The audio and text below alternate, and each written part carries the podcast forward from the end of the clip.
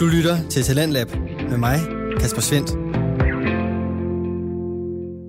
I aftens program, der vil jeg afspille to podcastafsnit for dig, og de kommer begge fra personer, som bruger deres fritid på podcasts. Derfor der kalder vi podcastene, som er med her i programmet, for fritidspodcast. Man kunne også kalde dem hobbypodcast, eller nogen vil måske kalde dem amatørpodcast. Men ligegyldigt hvad du kalder dem, så er det her altså programmet, hvor du kan høre mange forskellige stemmer, meninger og fortællinger. Det første podcastafsnit, som jeg kan præsentere for dig her til aften, det kommer fra podcastserien Eventyret starter her. Det er en podcastserie, som er lavet af og følger verden Kasper Beltoft, som tager lytteren med på sin båd og fortæller både om de rejser, han tager på, men også omkring de forberedelser, det kræver, før man tager ud på en længere rejse. Her der får du aftens episode fra Eventyret starter her, som byder på lidt julehygge. Du kan bare afsted, hvis du har lyst. Kommer bare afsted, hvis du har lyst, siger Vilda, og det er der måske en smule sandhed i. Og der er måske også et eller andet i, at man her om vinteren skal have en lille smule mere lyst for at komme afsted. Vi havde alt den lyst, der skulle til for at komme afsted her den 21. december, hvor vi havde besluttet os for at tage ud for Anker og fejre jul sammen. Og det er den tur, det her podcast-afsnit det kommer til at handle om. Så jeg håber, I er klar til at lytte med, fordi øh, vi springer direkte ud i det dagen inden, hvor der skal handles lidt ind til turen. Prøv at lytte med. Det er blevet fredag aften, og jeg holder uden for en ikke en unavngiven dagligvarerbutik, og det gør jeg, fordi jeg har fået en julegave af Vævesigten og af Brit. Det er nemlig sådan, at i morgen over middag, så tager vi ud og smider ankeret og fejrer jul sammen til søs. Og det glæder mig helt vildt til. Jeg glæder mig, fordi øh, jeg øh, skal ud og teste det nye anker og den nye ankerkæde, men jeg glæder mig også, fordi fordi det bare er en, øh, ja, en romantisk tanke at være derude øh, og fejre julen. Britt skal arbejde juleaften, så vi kommer ikke til at fejre den sammen der. Så øh, nu vil jeg gå ind i, øh, i den her ikke navngivende dagligvarerbutik og finde noget julemad. Jeg overvejede lidt, om jeg skulle stege noget andet bryst og lave en rødkålsalat. Men, øh, men nu må vi se. Nu går jeg ind, og så, øh, så må vi se, hvad jeg finder på. Jeg beslutter mig for at lave øh, andebryst. Det er nemt. Det er nemt at have med. Så jeg køber et par frosne andebryster, og så finder jeg ellers de resterende varer, som jeg skal bruge. Og, øh, og jeg vil bare sige, at hele den der tur ind i butikken, der, den er bare øh, den er skide god, fordi jeg glæder mig helt vildt til at komme afsted, og jeg, ja, der, der er sådan en hel masse, øh, hvad kan man sige, forventning og, og, og spændthed, sommerfugl i maven, der sådan bare ligger og ulmer, så, så, så det er en fornøjelse at gå rundt og, og handle ind til sådan et, et arrangement. Velankommet tilbage på båden med alle varerne, så var det sådan set kun at smide dem på køl, og så vente på, at lørdagen oprandt. Vi skulle huske på, at jeg handlede om fredagen, og det var om lørdagen, vi skulle afsted. Men inden vi kunne komme afsted, der havde vi lige en, øh, en aftale, en form for kan man kalde det en mini julefrokost op hos min gode ven og tidligere kollega Per. Og, øh, og det var simpelthen så hyggeligt, at, øh, at, at det trak ud. Jeg kunne sådan se, at, at tiden begyndte at skride for os, og, øh, og for at vi kunne nå ud i, øh, i nogenlunde lys, så, så var, var tiden efterhånden knap. Men, øh, men det ændrede ikke på vores planer, og vi besluttede os for, at selvom vi kom hjem i, i skumringen, så skulle vi altså afsted, for det havde vi jo besluttet. Så her kommer I med på vej ud på ankerpladsen. Klokken den er halv seks. Ah, halv fem er den. Klokken halv fem, og det er... Solen er gået ned, der er sådan det sidste lys tilbage. Og ellers så er det kun billamperne inden for byen af, og mågernes velkendte skrig, man sådan kan høre i horisonten. Vi er på vej ud og fejre jul. Ud og få en nat for anker. Spise julemad, åbne julegaver og, og hygge os. Jeg håber, vi når frem, mens vi stadig kan se en lille smule, ellers må vi tage den på søkortet med vores lommelygter. Men øh, nu er vi i hvert fald ude af havnen.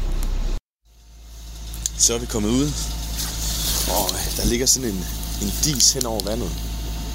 Vi har strømmen med os her nordpå i Guldborg Sund, og frem af disen i mørket oplyst af den sidste sol og vores lanterner og, og, og bilerne inde på, inde på vejene, der kommer bøjerne stille og roligt ud af disen. Det er ret, øh, ret unikt. Vandet er fuldstændig fladt, spejlblankt, og man kan sådan se konturerne af skovene nede i vandet. Og så, øh, og så Nykøbing by night, som glider forbi os på styrbords side. Det ser helt fantastisk ud. Altså det er en, man føler sig som en, ja, som verdens heldigste mand, når man stille og roligt glider op forbi her. Jeg står og kigger agten ud nu og kan se røgsøjlen inden fra sukkerfabrikken, der spreder sin, sin store dampsky ud over byen, som sådan en form for varetegn. Her ligger Nykøbing. Her laver vi sukker. Ja, det eneste jeg sådan lige skal holde øje med nu, det er, at jeg ikke sejler forkert her i tusmørket. Styrer lidt med selvstyren her for at komme ind på de rigtige kurser. Det er ikke rigtigt til at navigere efter næste bøje, som sagt, fordi vi kan ikke se dem. Så det er lidt på, på, på plotterens kort og, og på den mavefornemmelse, man har. Så må vi jo sætte farten ned, hvis, hvis det går for hurtigt. Som sagt, så føler man sig heldig, men man føler sig også lille, når man står her på vores lille båd og kigger ind på hele det her mylder af mennesker, som farer rundt i byen. Som sådan en stor, sovende kæmpe, der ligger derinde og bare venter på, at lyset igen får folk ud af husene og folk op af sengene og vågner til endnu en dag. Og indtil da, indtil det bliver endnu en ny dag i byens trummerum, der vil vi ligge herude på vandet for anker. Kun os. Kun os sammen med vinden og vandet og naturen. Vi vil benytte lejligheden til at, at forhåbentlig glæde os over at være der, hvor vi er. Og være sammen med dem, vi nu er. Og den hverdag, vi er i. Og, og lige nu der bobler det ned i maven af ren, ren lykke. Jamen, det er så fedt det her. Jeg får kuldegysninger, når jeg genhører det klip her, for, øh, for jeg synes, det er så tydeligt at høre, hvor, øh, hvor mange følelser der er i det. det øh, der er ingen tvivl om, at, øh, at lige der, hvor jeg står og styrer båden ud mod ankerpladsen, der, der er jeg helt sikkert i, i noget, der minder om den syvende himmel. Det er, øh, det er den følelse, man, man, man sjældent får, og, og, og man ja, kan leve længe på at have eller have haft. Så, øh, så bare det at genhøre det, det er med til, at jeg, jeg, øh, jeg sidder og smiler, og, og det kilder faktisk lidt i maven igen, fordi det var, det var saftsus med en god dag, eller en god aften, og en god tur. Så er det sidste solens stråler forsvundet, og vi har fået smidt ankeret på vores efterhånden faste plads, lidt nord for Nykøbing. Klokken den er efterhånden blevet halvmangen. Den er faktisk halv seks, og vi har ikke fået startet på julemaden endnu. Så det skal i gang med nu. Menuen, øh, den stod jo som sagt på andebryst, kartofler og sovs. Lidt rødkål. Og så er der dessert bagefter. Men nu skal i gang med at lave maden. Øh, og så må vi se, om ikke, øh, om ikke juleroen og freden den sænker sig. Jeg vil sige, rammerne er i hvert fald til det, fordi øh, har helt stille herude. Der er næsten ingen vind, der rører sig. Vandet er spejlblankt og ankerkæden hænger øh, lodret ned fra båden. Altså, der er ikke noget træk på ankeret, så... Så det er en meget, meget rolig aften, og jeg vil sige, det er sådan en aften, hvor man i den grad godt kunne ende med at komme i et rigtigt julehumør. Sådan en, en dag, hvor man ender med at danse som juletræet, og jeg ved ikke hvad. Men nu må vi øh, komme i gang med maden, så vi kan nå at få lidt aftensmad. Maden den blev tilberedt i sikker stil, hvis du spørger mig. Ikke at jeg måske er helt objektiv, men altså, den kunne da i hvert fald godt spises, og jeg kan mindes, at vi også gemte en del af sovsen og kartofler til dagen efter. Om det var rødvins skyld eller ej, det skal jeg lade være usagt, men, men julefreden, den, øh, den sænkede sig, og julestemningen, den indfandt sig på båden den aften. Og, øh, og det blev der både til at danse rundt om vores miniatyrjuletræ op i cockpittet og tilbage ned i salongen, og det blev tid til at til at dele gaver ud og spise dessert. Det var simpelthen lige som sådan en juleaften skal være. Øh, det var på alle måder helt fantastisk.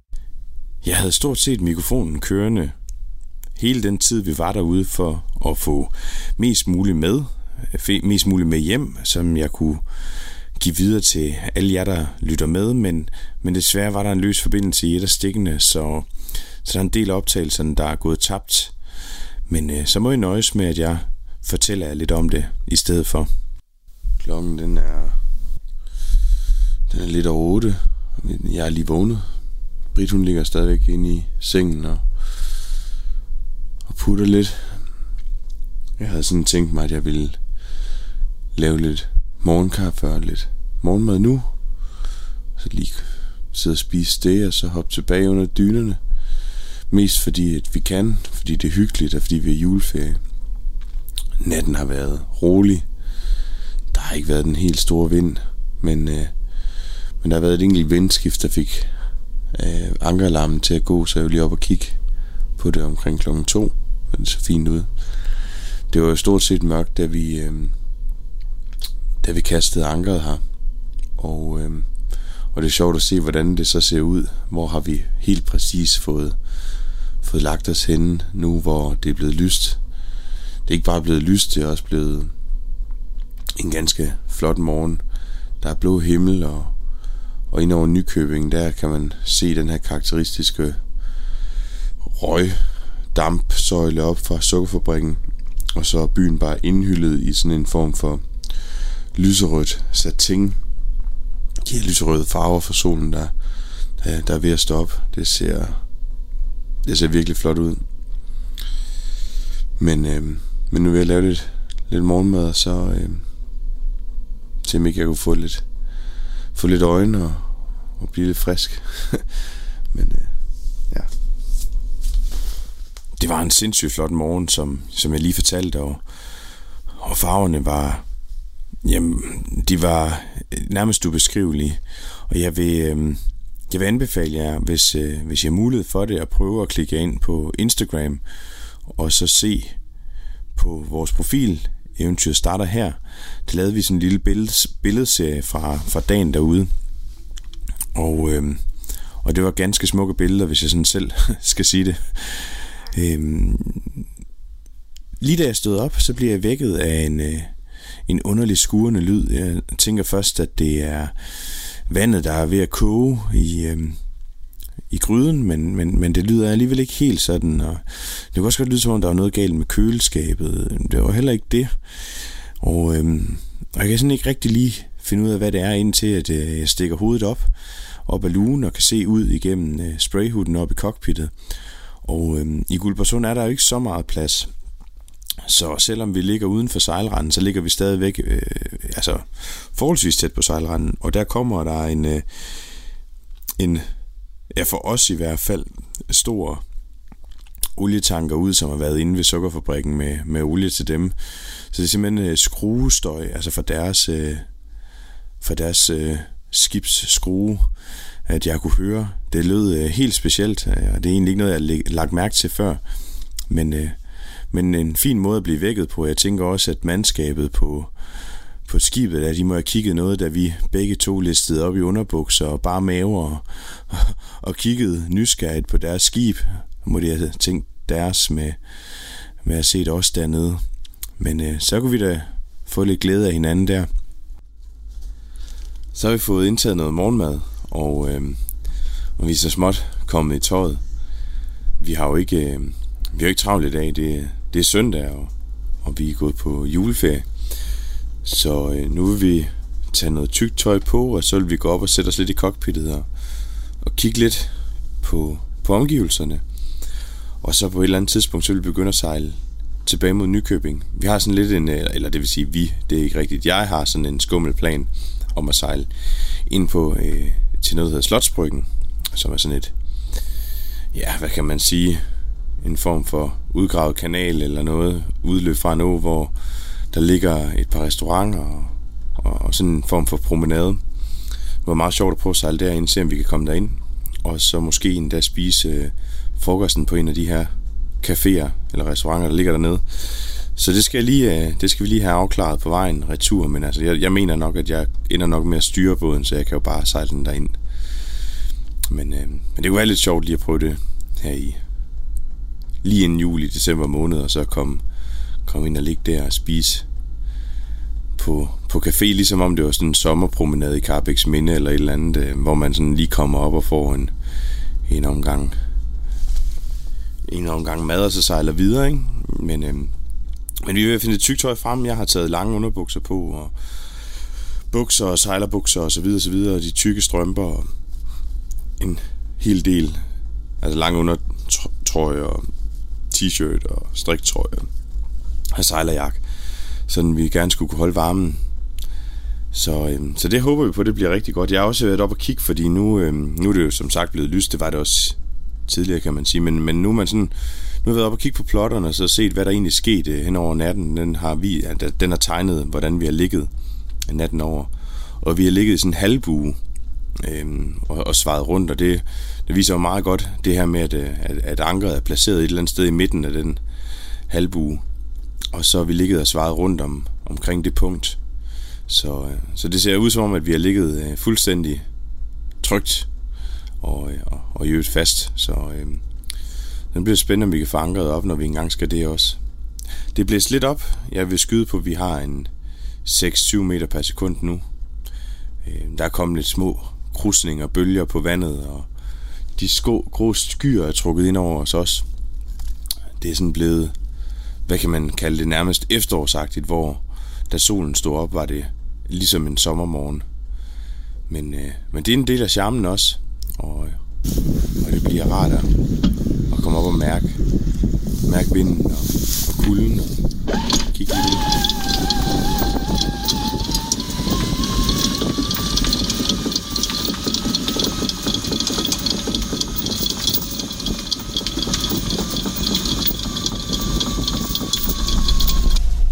fået ankeret op, og vi øh, er stille og roligt på vej tilbage mod Nykøbing til Slotsbryggen, hvor vi håber på at spise en frokost inden. Det er koldere, end man lige tror, når man lige kommer herud. Det må jeg indrømme. Det er øh, naturligvis ikke sommer, men alligevel havde jeg måske en idé om, at det var lidt bedre vejr. Hold nu op, var det smukt. Selvom det er overskyet, altså. Det synes jeg.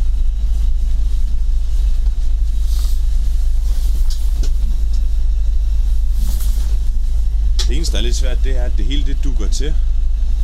Det er svært at se noget ud, så man skal ligesom ud i den kolde luft for at se det. Men altså... Det her kunne man godt blive afhængig af, vil jeg sige. Vintersejlads. Hvad mener du, Britt? Ja, ikke? Det er sådan set ret fantastisk at være helt alene Altså, man er jo helt alene herude. Ja. Men det er også som om, at, at, at konsekvenserne, du ved, konsekvenserne ved at lave noget forkert er større, ikke? Fordi, fordi det er koldt, og fordi man jo ikke fungerer på samme måde i kulde. Altså, så, så det skal fungere, det man gør. Man skal have sådan en, et ekstra lag af sikkerhed og omhyggelighed ind over det. Det, det er sådan set meget... Øh, det er sgu fedt. Noget af det, som er rigtig fedt med med at sejle, det er både stillheden, når man sejler. Altså man kan sidde og kigge, kigge ud over vandet og kigge på land, kigge på andre både, øh, kigge på hinanden, men, men uden at sige noget. Det, det, det synes jeg er fedt. Men noget af det, som jeg også synes er fedt, det er det her med, at man, man jo sidder sammen øh, i cockpittet og har tiden for sig. Og dermed har man også tid til at snakke med hinanden. Og det kan både være small talk, men det kan også være lidt dybere samtaler. Men man har tiden, og man, man har samværet til det. Og, øh, og, det, og det er faktisk ret fint, at man kan, man kan sidde der og få fortalt alt igennem, både løst og fast. Så på den måde, så, øh, så gik vores tur også sådan tilbage mod Nykøbing. Der var tidspunkter med, med stillhed, og der var tidspunkter med masser af small talk. Det tror jeg på. Og det var, det var kæmpe stort fly, så man kunne godt komme derned, og så kunne man ikke se dem. Altså, fordi så var de enten bare røget i den ene retning, eller i den anden retning. Ikke? Det var stort. Virkelig stort, ja. Det må også være fedt at komme derned, og så altså ved vandet. Og... Ja, søvand? Ja. Så du må altså gå ud i... Ja, jeg får drik. Ja. Ja, fedt. Jeg ligger på vej hjem fra, fra ankerpladsen, der lagde vi os ind i Slotsbryggen for at få en frokost. Og den har vi været inde og spise. Det er sådan set meget hyggeligt her, for man ligger sådan i første parket til promenaden, hvis man kan kalde det sådan. Det lyder måske finere, end det i virkeligheden er. Men, øh, men bagefter tog vi en tur på gåben op i byen.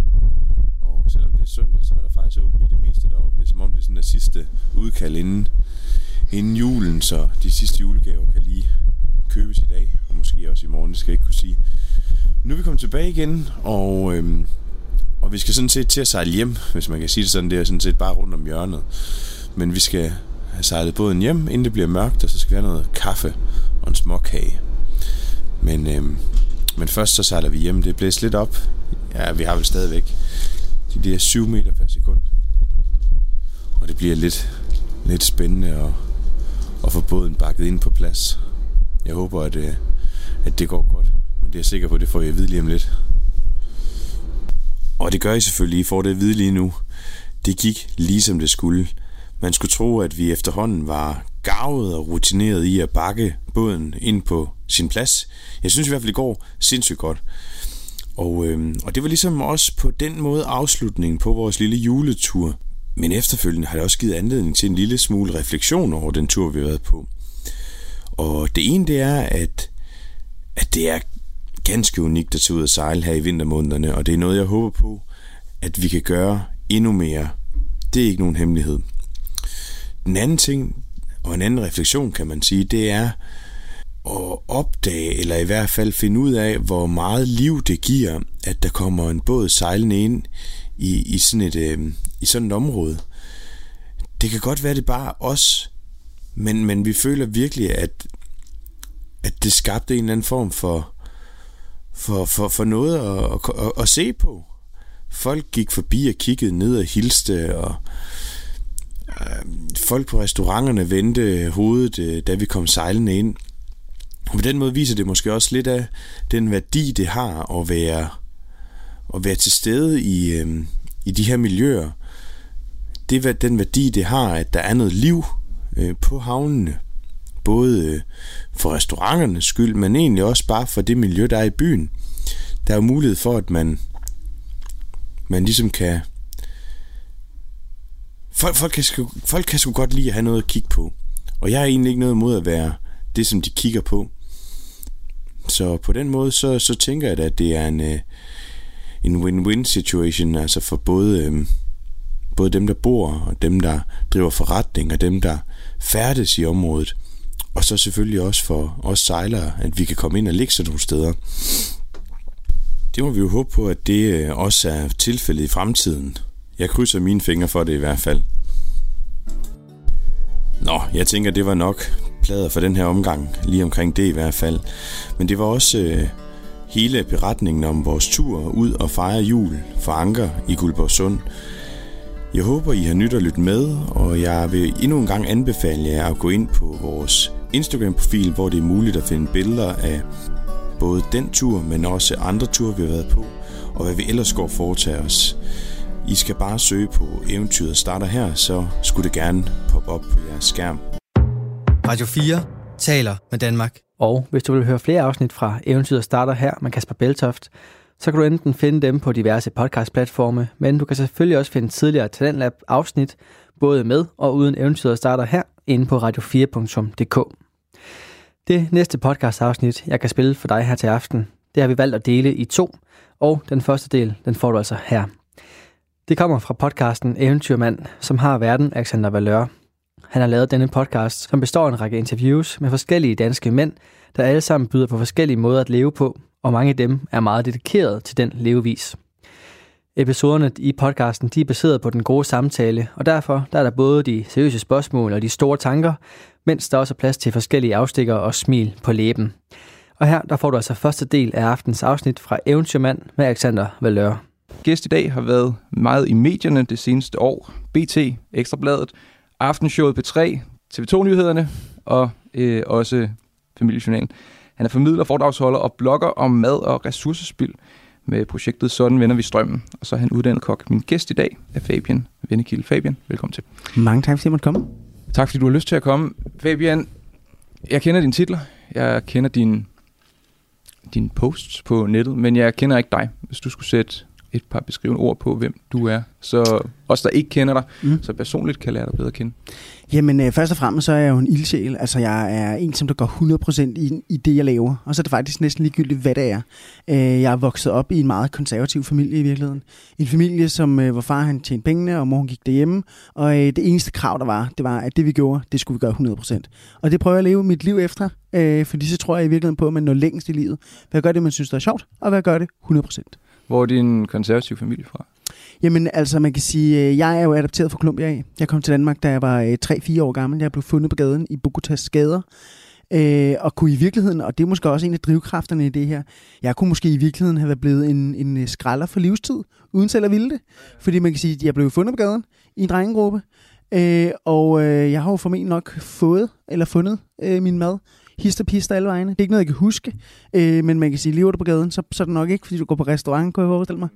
Øh, og øh, så kom jeg til Danmark, øh, har oplevet, eller har vokset op i Smørum, øh, i en fantastisk familie, hvor, øh, jamen altså, jeg, jeg lover dig for, at jeg har haft blommen som idé, det ikke? Altså, det er der slet ikke nogen tvivl om. Så øh, jeg har haft mulighederne, øh, for i virkeligheden også at måske gøre en forskel, eller i hvert fald prøve at gøre en forskel. Hvad, øh, hvad er det tidligste minde? Kan du huske noget fra Colombia?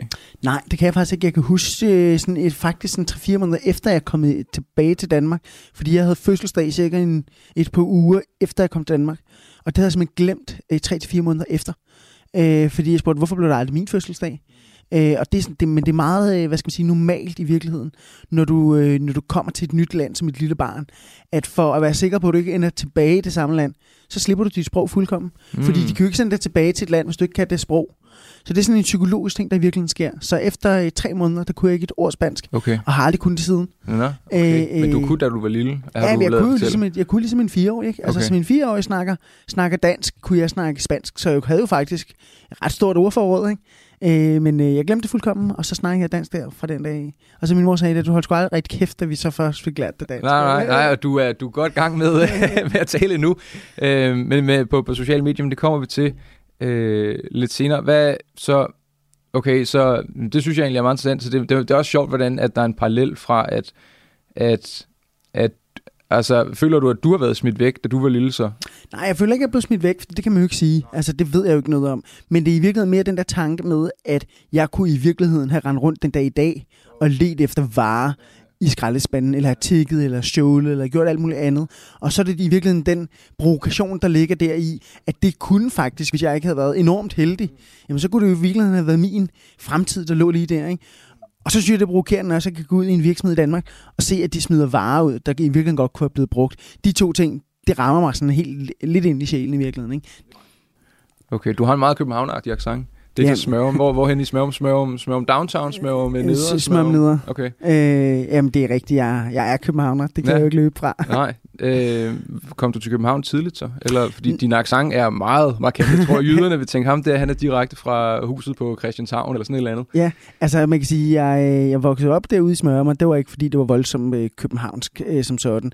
Det var jo i virkeligheden bare sådan en lille flække, 25 km ude fra København af. Men så kom jeg jo ind til, øh, ind til København, da jeg blev 18-19 år gammel, øh, og så har jeg boet lige siden øh, og elsker at bo i København, øh, og nyder i virkeligheden også de muligheder, der i virkeligheden er. Fordi man kan sige, det er jo både fordele og ulemper, men i København, der har vi jo rigtig mange fødevarebutikker. Det vil sige, det er rigtig nemt at leve af det her, øh, det her med at finde varer rundt omkring. Ikke? Så det har jeg jo brugt næsten to år på, slet ikke at købe varer ind selv, men kun finde varer af alle mulige arter. Okay, okay, okay. Og, og det har jeg også det har jeg læst mig frem til, at du lever af at skralde. Mm. Hvordan kan man leve af at skralde?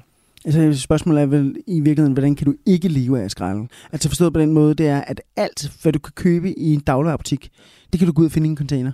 Og men jeg vil sige, altså det er ikke fordi, jeg opfordrer folk til at skralde. Skraldning er ikke løsning på problemet. Altså fordi man kan sige, løsningen på problemet, det er jo i virkeligheden, at vi stopper de her varer, inden de bliver smidt ud. Øh, men i virkeligheden, så kan du finde dyner, puder, tøj, tasker, jamen, gryder, potter, pander. Du kan finde alt. Altså vidderligt alt kan du finde. Og jeg tror mig, jeg har fundet alt. Jeg læste, at du, øh, du startede med at skralde, da du var 25. Ja. Hvad fik der, hvad, hvordan var din første skraldeomgang?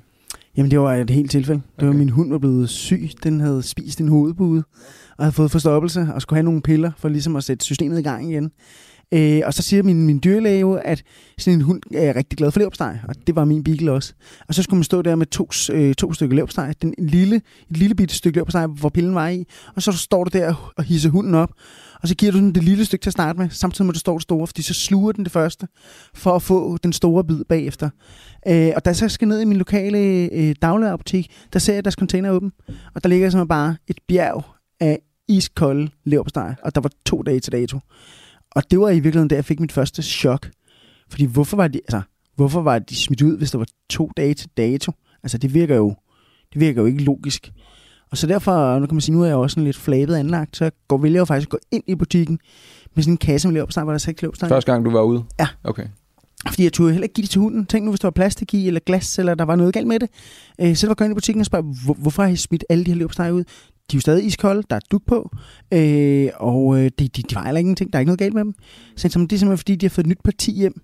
Øh, de har simpelthen fået et spritnyt parti hjem, og de vil hellere sælge de nye leverpostejer, end at de vil sætte alle de gamle leverpostejer ned til halv pris. Fordi sætter de dem ned til halv pris, jamen så om en uge eller to uger, jamen så alle de leverpostejer, de har fået i dag, det er så dem, de bliver nødt til at sætte ned til halv pris. Og så en eller anden dag, så kommer du ned og spørger, så, hvorfor kan man kun få gamle leverpostejer nede i Aldi? Altså, og det er jo også en helt reel problematik, der ligger der, ikke? Var du nervøs? Nej. Første gang, du skulle ned og skralde? Nej, fordi det var et tilfælde. Altså, det var ikke, fordi jeg havde, jeg havde ikke gået ned for at sige, nu skal jeg ned og skralde. Tværtimod, så var jeg jo lærer som kok, øh, da jeg var 25, øh, og mente jo helt bestemt, at øh, jeg skulle være verdens bedste kok. Øh, så, så selvfølgelig var der ikke øh, noget problem med det som sådan overhovedet. Øh, øh, og da jeg så kommer derned, og så ser alle de her leverpostejere, jamen så, så bliver jeg i hvert fald nysgerrig. Man bliver nødt til at finde ud af, hvorfor de er smidt ud. Og da jeg så får at vide, hvorfor de blev smidt ud, jamen så, øh, så, så, så kunne jeg faktisk ikke se nogen anden grund til, eller jeg kunne ikke se, hvorfor jeg ikke skulle blive ved. Hvorfor jeg ikke skulle se, hvad der ellers ligger derude. Fordi hvis en butik kan smide løbstejer ud, der intet fejler, og det er bare i en butik. Der ligger 13 fødevarebutikker i en, i en diameter af en kilometers omkreds fra, hvor jeg bor, ikke? Jamen, altså, så havde jeg jo lige pludselig mulighed for at få alle de varer ind, jeg overhovedet kunne bruge. Altså, der var ikke nogen andre kokke. Jeg var jo kokkeelev. Der var der ikke nogen andre kokkeelever. Der havde de muligheder, som jeg havde. Altså, jeg lavede, stod og lavede beef wellington og oksemørbræd, fordi jeg fandt øh, en hel kasse fyldt med oksemørbræd. Seks oksemørbræd, ikke? De koster altså 600 kroner stykket. Altså, der fandt vi næsten for næsten 4.000 kroner oksemørbræd den dag, ikke? Altså, og øh, det var simpelthen bare, fordi kassen var gået i stykker. Jeg øh, var ude at skralde første gang for et år siden. Mm. Øh, Måske lidt mere end et år siden. Jeg boet i Esbjerg sidste års tid, og min kæreste og jeg, vi blev enige om, at det kunne være sjovt at tage ud og skralde. Hun sagde det som sådan en joke, sådan, ah, skulle vi ikke? Og hun er lidt mere hippie, end jeg er, og synes, at sådan noget er, at det er en god måde at, at, at lade være med at spilde ressourcer på. Det er jeg jo sådan set enig i. Så vi har været ude og skralde i et helt år. Hele år, jeg boede i Esbjerg, Wow. wow. der skraldede vi ja, i hvert fald et par gange om ugen. Og jeg siger, det vi har fundet, det er, det er jo ikke noget, der overrasker dig, men det overrasker i hvert fald mig. Altså, vi har vores samlede madbudget, det har været 500 kroner i gennemsnit om måneden, og det er jo ikke så meget for en almindelig øh, ungt par, øh, men, men det, det kom faktisk mest af alt fra, hvis vi har været rejse, så vi skulle købe noget i Sverige eller på Island eller sådan noget. Det er der, vores, vores madbudget har ligget. Vi har ikke købt noget som helst i Esbjerg. Måske en sjældent gang imellem har vi købt noget remoulade, hvis, hvis lige jeg har haft behovet for det, ikke? Men, men altså alt har været tilgængeligt. Øhm, Og det er jo virkelig det, der er det uhyggelige ved det, ikke? Altså, det er jo netop det der med, at det er alt, der er tilgængeligt. Fordi nu, det var meget sjovt, du sagde det der med, så kunne det være, at du manglede en remoulade.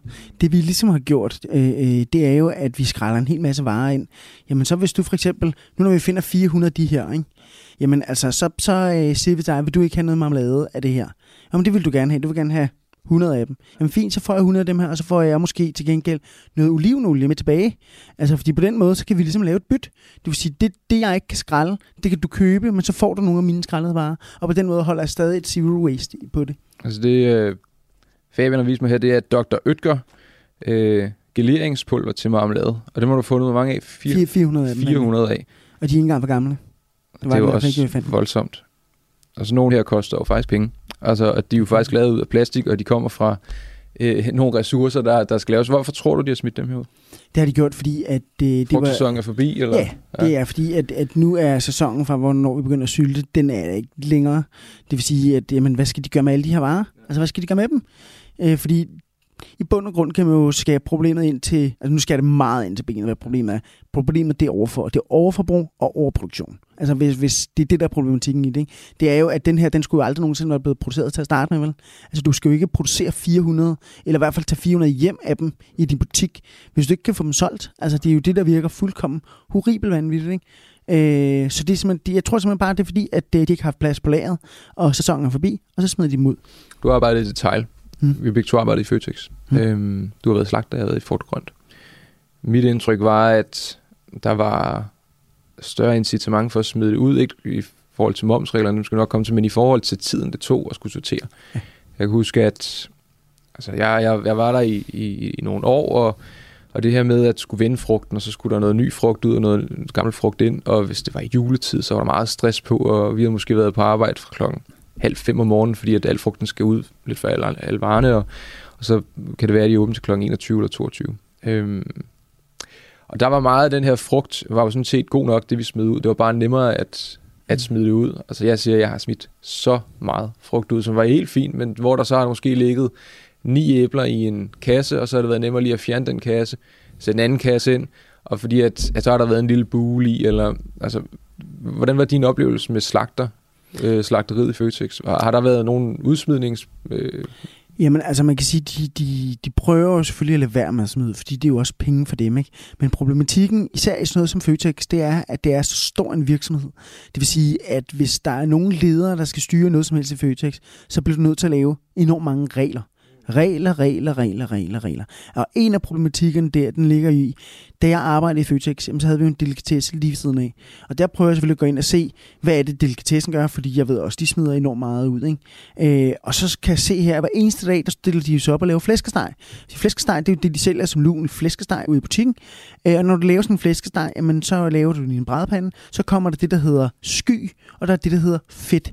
De to ting, de ligger i hver sin... Altså, det fedtet ligger øverst, skyen ligger nederst. Og der har man simpelthen lavet den regel i Føtex, at der skal de her kogekoner, de skal stå og hælde hele balladen ud i, øh, i, hvad hedder, i afløbet. Ikke? Øh, og så bagefter, så stiller de sig op og laver en brun sovs, hvor de tager noget pulver, og de tager noget koldt vand, og så står de og pisker det sammen, og så er det brun sovs, i stedet for at man faktisk at de her mennesker, som der er enormt dygtige til at lave mad, bruger den funk, der i virkeligheden ligger der. Altså, så får vi jo en bedre kvalitet. Vi øh, behøver ikke at bruge pulver, og det er i virkeligheden formentlig nok også meget sundere i sidste ende jeg tror, der resonemanget er fra Føtex side, eller fra supermarkedernes side. Det er, at det skal smage ens fuldkommen hver eneste gang. Det vil sige, at når jeg går ned og køber en, øh, en brun sovs nede i min Føtex i Ballerup, så skal den smage fuldkommen præcis som, når de laver den op i Aalborg. Og det er jo virkelig det der er problematikken. Fordi det sjove ligger jo lidt i, at det her, det vil jo aldrig nogensinde ske i en, en lille privat slagterbutik. Han ville aldrig nogensinde stå og smide sin fong ud. Altså, jeg har arbejdet i en slagterbutik. Jeg kan garantere dig for.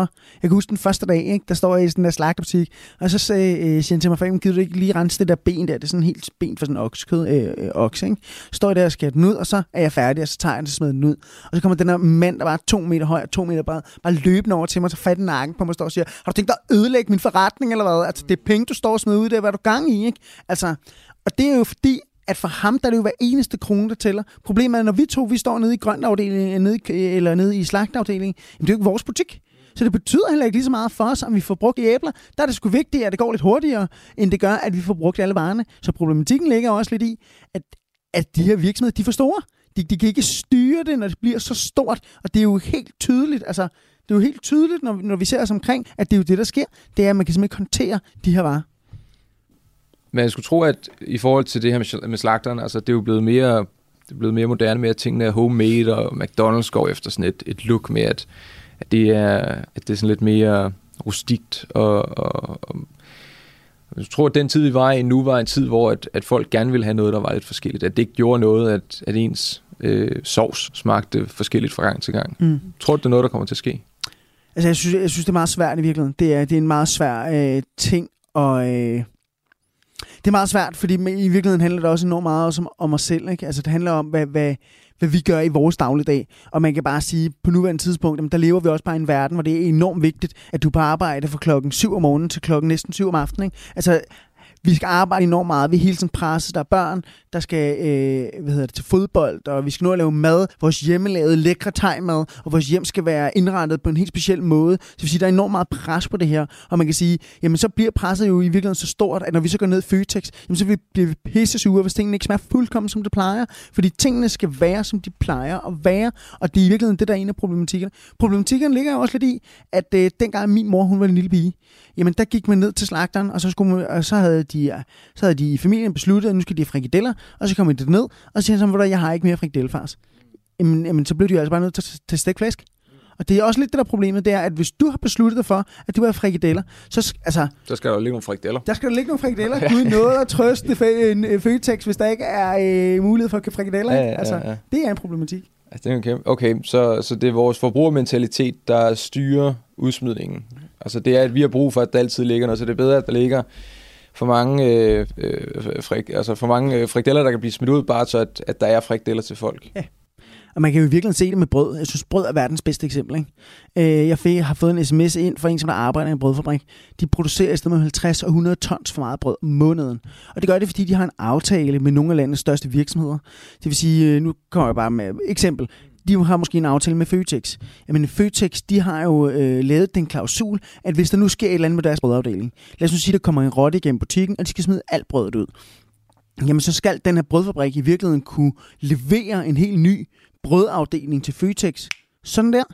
Fordi det, det, det bliver der krævet af dem, så derfor bliver de nødt til at producere for meget brød hver eneste måned.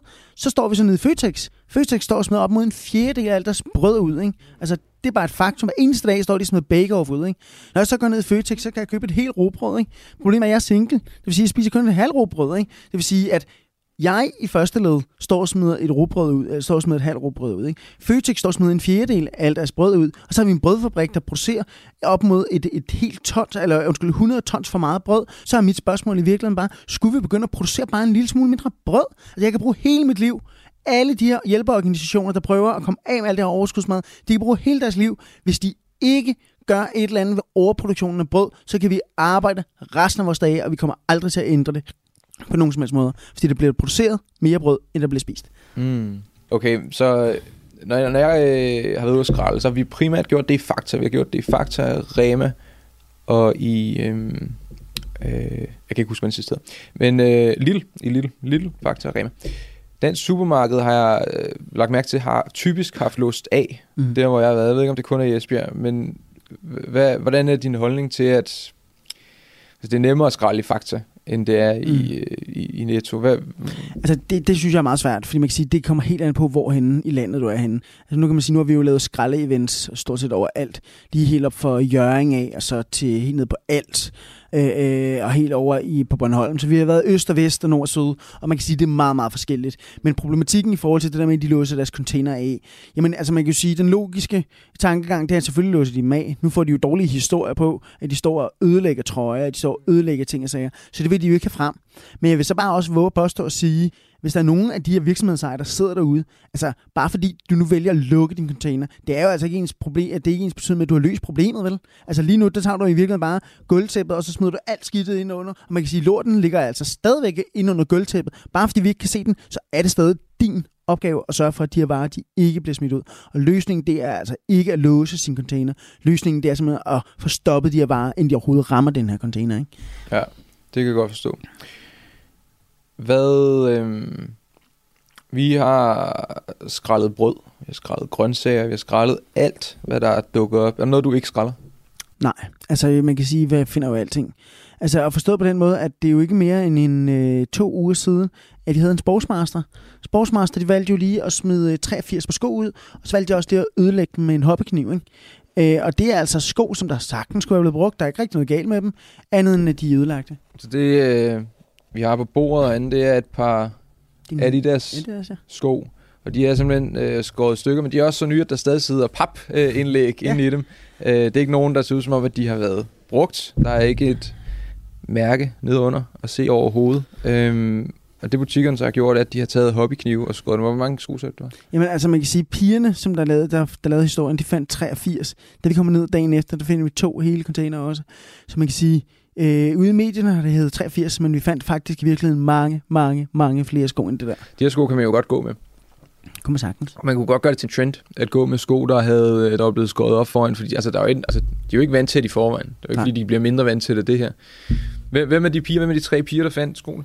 Jamen det er jo sim- simpelthen fordi, at jeg laver foredrag. Jeg går ud og holder foredrag for øh, unge mennesker, virksomheder, alle mulige, som der er interesseret i at høre omkring det her. Og så var jeg blevet hyret til et foredrag øh, ude i øh, Hol, øh, Holbæk. Ja, øh, øh, der var blevet øh, til sådan et stort øh, klimadag. Og så øh, står jeg jo der og råber og skriger og kaster med varme. Ja, Ja, ja, og så- jeg skal jo have de unge mennesker med, så, det, så det, Ja, ja, noget showmanship. Lige præcis, så jeg stod Ja. der og kastede chips ud til dem, ikke? fordi Ja. jeg havde fundet en helvedes masse chips. Og de synes bare, åh, det var super fedt, ikke? Øh, og så øh, ser en af pigerne, sådan, hun kommer sådan lidt kæk tilbage, efter hun har hørt foredrag, så hun synes, at det var et super fedt foredrag. Men altså, var det ikke overdrivelse frem og forståelsen? Altså, var det ikke lidt for meget? Altså, kunne man overhovedet finde alle de varer? Så må det jo sige til hende, og sige til alle hendes venner og veninder, det er, at i, jeg synes, I i virkeligheden selv skal gå ud og se, hvad I kan finde i containerne. Fordi jeg tror på, at I vil blive chokeret.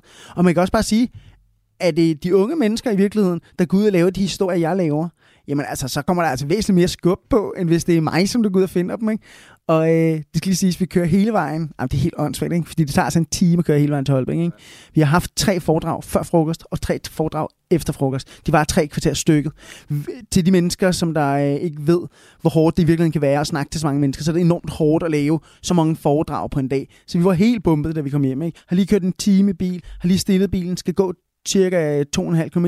Da vi er halvvejs, så tigger den første sms ind øh, med en video, hvor nogle piger, der åbner en container, og så ligger der bare sko. Og jeg kigger på Josefine, min veninde, øh, øh, hende, som der er med i Samvendomstrøm, og siger til hende, det her, det bliver vores største historie nogensinde. Så, så hvad mener du, du siger, det, er- det er jo ren Greta Thunberg. Tre piger på 13 år, går ud efter et foredrag, og selv går ud og leder i container, fordi de ikke tror på det. Og så finder de en hel container fyldt med sko. Det, der er så ironisk i den der, det er jo, at hende den ene pige, hun har jo ønsket sig et par Timberlake-støvler. Hun går ind og finder seks par i hendes egen størrelse. Det eneste, der er galt med dem, det er, at de har slicet dem op med en kniv. Ikke? Altså, wow, mand. Ja, Wow. det er jo sindssygt. Okay, men så, okay, så, så, de, okay, så du er kommet tilbage til København. Mm. Hvad sker der så? De, de pigerne, de har fundet containeren. Hvad, hvad er næste Jamen, skridt? så er, så er næste skridt, at de sender mig... Altså, det vigtigste for mig, det er, at de øh, dokumenterer det. Og det er jo også de jer derude, der sidder derude.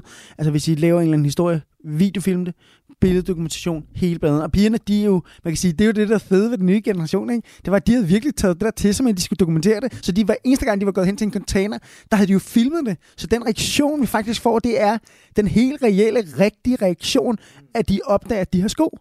Og så sender de med billederne, og så sender de med videoerne, og så øh, ringer til pigerne og siger, I er nødt til at tage tilbage til containeren og finde så mange sko, I kan. Og det er jo lidt svært for 3-13-årige piger, så der er en af dem, der cykler over og får fat i en 7-8 sko. Jeg sidder og tænker, at det går ikke det her. Altså, historien er fantastisk. Har vi ikke alle skoene, så står vi med med et problem.